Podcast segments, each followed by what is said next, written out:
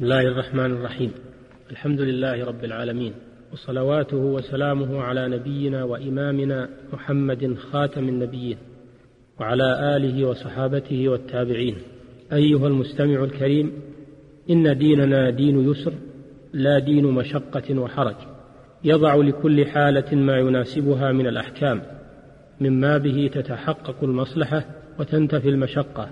ومن ذلك ما شرعه في حالة الوضوء إذا كان على شيء من أعضاء المتوضئ حائل يشق نزعه ويحتاج إلى بقائه إما إما لوقاية الرجلين كالخفين وإما لوقاية جرح ونحوه كالجبيرة ونحوها. فإن الشارع رخص للمتوضئ أن يمسح على هذا الحائل ويكتفي بذلك عن نزعه وغسل ما تحته. تخفيفا منه سبحانه وتعالى على عباده ودفعا للحرج عنهم.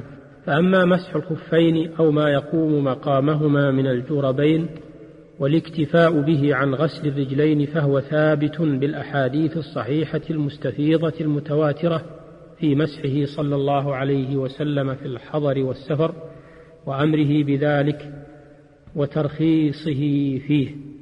قال الحسن حدثني سبعون من أصحاب رسول الله صلى الله عليه وسلم أنه مسح على الخفين. وقال النووي روى المسح على الخفين خلائق لا يحصون من الصحابة وقال الإمام أحمد ليس في نفسي من المسح شيء فيه أربعون حديثا عن النبي صلى الله عليه وسلم. وقال ابن المبارك وغيره ليس في المسح على الخفين بين الصحابة اختلاف هو جائز ونقل ابن المنذر وغيره إجماع العلماء على جوازه واتفق عليه أهل السنة والجماعة بخلاف المبتدعة الذين لا يرون جوازه وحكم المسح على الخفين أنه رخصة فعله أفضل من نزع الخفين وغسل الرجلين أخذا برخصة الله عز وجل واقتداء بالنبي صلى الله عليه وسلم ومخالفة للمبتدعة. والمسح يرفع الحدث عما تحت الممسوح. وقد كان النبي صلى الله عليه وسلم لا يتكلف ضد حاله التي عليها قدماه بل إن كانتا في الخفين مسح على الخفين وإن كانتا مكشوفتين غسل القدمين فلا يشرع لبس الخف ليمسح عليه.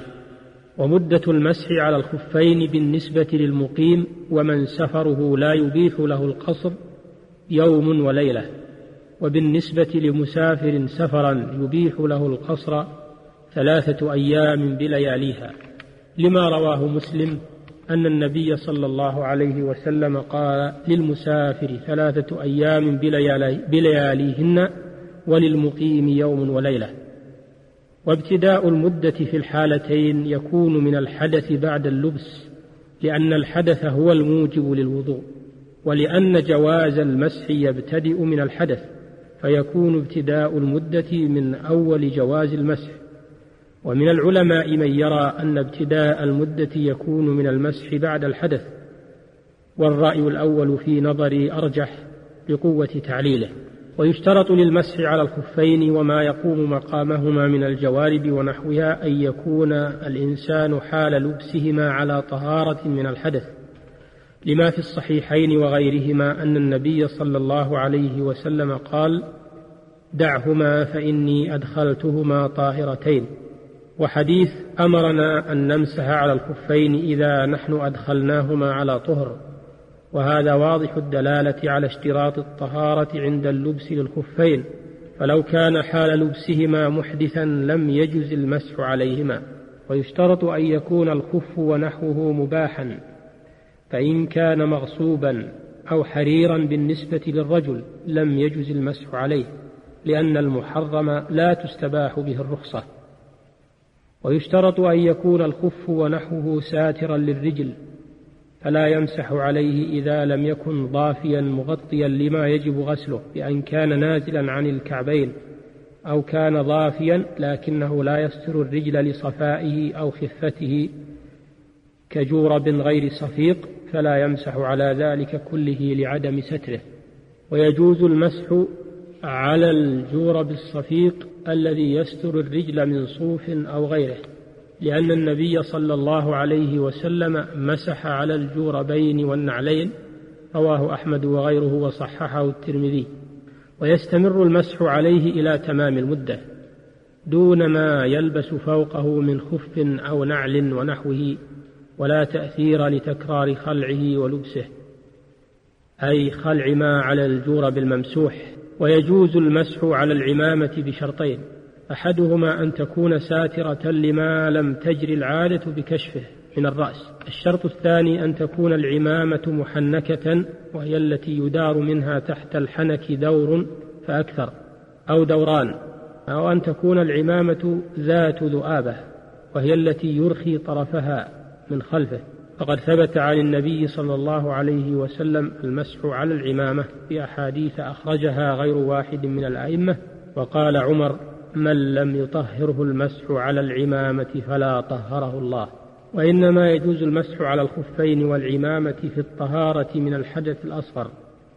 وأما الحدث الأكبر فلا يمسح على شيء من ذلك بل يجب عليه غسل ما تحتهما وكذلك يمسح المسلم على الجبيرة وهي أعواد ونحوها تربط على الكسر ويمسح على الرباط الذي يكون على الجرح وكذلك يمسح على اللصوق الذي يجعل على القروح.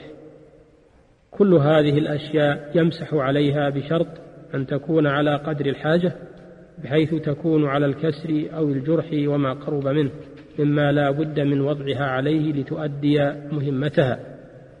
فإن تجاوزت قدر الحاجة لزمه نزع ما زاد عن الحاجة مع الإمكان ويجوز المسح على الجبيرة ونحوها في الحدث الأصغر والأكبر وليس للمسح عليها وقت محدد بل يمسح عليها إلى نزعها أو برء ما تحتها ولو طال الوقت لأن المسح عليها أبيح لأجل الضرورة إليها فيتقدر بقدر الضرورة. والدليل على مسح الجبيرة حديث جابر رضي الله عنه. قال خرجنا في سفر فأصاب رجلا منا حجر فشجه في رأسه ثم احتلم فسأل أصحابه هل تجدون لي رخصة في التيمم؟ قالوا ما نجد لك رخصة وأنت تقدر على الماء فاغتسل فمات. فلما قدمنا على رسول الله صلى الله عليه وسلم أخبر بذلك. فقال قتلوه قتلهم الله. ألا سألوا إذا لم يعلموا؟ فإنما شفاء العي السؤال. إنما يكفيه أن يقول بيديه هكذا. رواه أبو داود وابن ماجه وصححه ابن السكن. ومحل المسح أن يمسح ظاهر الخف والجورة ويمسح أكثر العمامة ويختص ذلك بدوائرها ويمسح على جميع الجبيرة. وصفة المسح على الخفين أن يضع أصابع يديه مبلولتين بالماء على أصابع رجليه ثم يمرها ثم يمرها إلى ساقه. يمسح الرجل اليمنى باليد اليمنى والرجل اليسرى باليد اليسرى.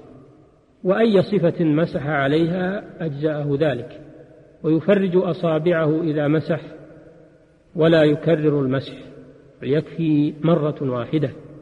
أيها المسلم الكريم هذه صفة المسح على الحوائل من الخفين والعمامة والجبيرة مما جاء به ديننا الحنيف دين اليسر والسهولة ورفع الحرج.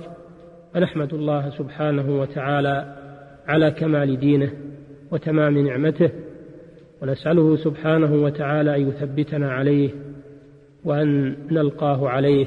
وصلى الله وسلم على نبينا محمد وإلى حلقة قادمة بإذن الله تعالى والسلام عليكم ورحمة الله وبركاته.